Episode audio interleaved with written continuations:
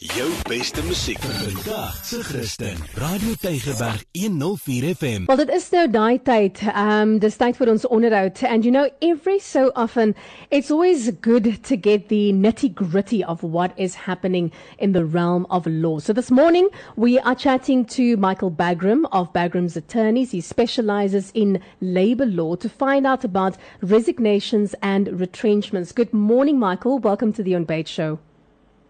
Hi, good morning, and I hope all is well with you guys. We're still during level three, so keep Mm-hmm. yourself social distance. Oh, yes, of course, indeed. We're definitely making sure of that, Michael. So, in terms of um, what I was just uh, chatting about in my intro, you know, if you're an employee that either decides to resign or you decide to walk out of a company for whatever reason, can the company that you were working for have a right to still discipline you? Yes, they do. Um, there has been a recent court case, and it's actually very interesting to understand this.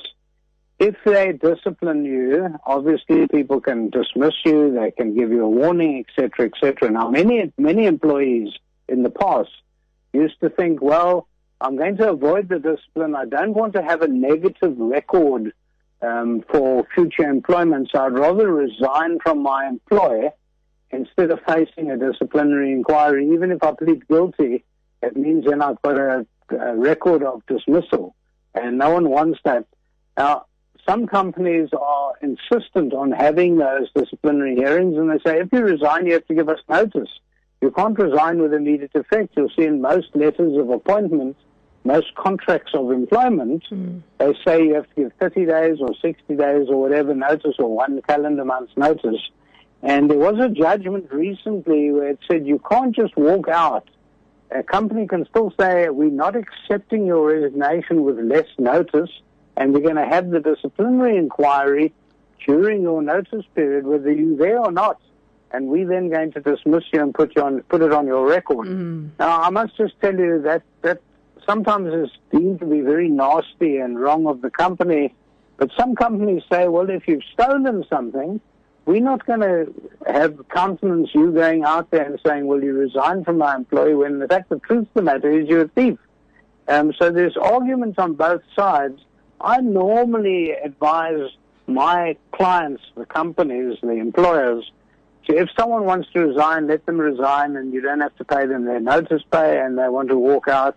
And why be nasty? Why add a final nail to the coffin when someone's leaving? But I can understand the argument that you don't want to tell a lie to the world uh, by saying that this person actually resigned when in fact they were forced out by facing the disciplinary inquiry.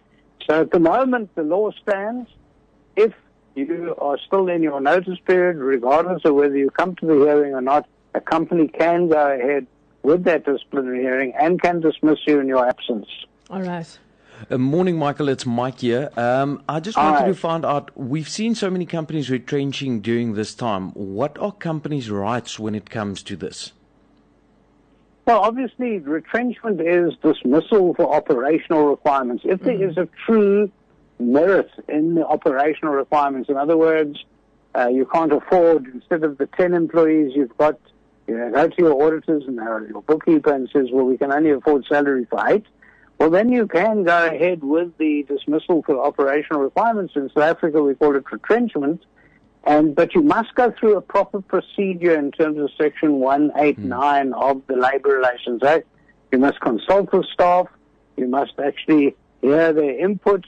You can't make a decision to retrench people until you've had those discussions. They're called consultations, hmm. and those consultations will be quite far reaching in that they discuss the reasons for the possibility. Why have you targeted this person? How much you're going to pay them? Are you prepared to pay more than the minimum severance pay, etc.? But often companies go to the staff beforehand and say, "Listen, there are ten of you. We only we can only afford eight. Does anyone want to volunteer hmm. to go?" And we get that often where people come forward and saying, "You know what? I've actually had enough here, or I'm close to retirement and I'd rather go now and get my package, or I found another job." There are a lot of people who say, listen, I was able to source another job, and so I'd rather take a package and get out of here. And uh, of course, Uh, you don't resign. What you do is you go through an exercise of the retrenchment, but it's voluntary, and it still means that you can collect your UIF. Oh, I see. Michael, thank you so much for uh, opening our eyes to this, and thank you so much for chatting with us this morning. And we do wish you all the best. Have a wonderful day today. Thank you. You keep up your fantastic work Thank and keep what's all in change. thank you so much. Bye, Thank you. Michael. Jou beste musiek vir vandag se Christen. Radio Tygerberg 104 FM.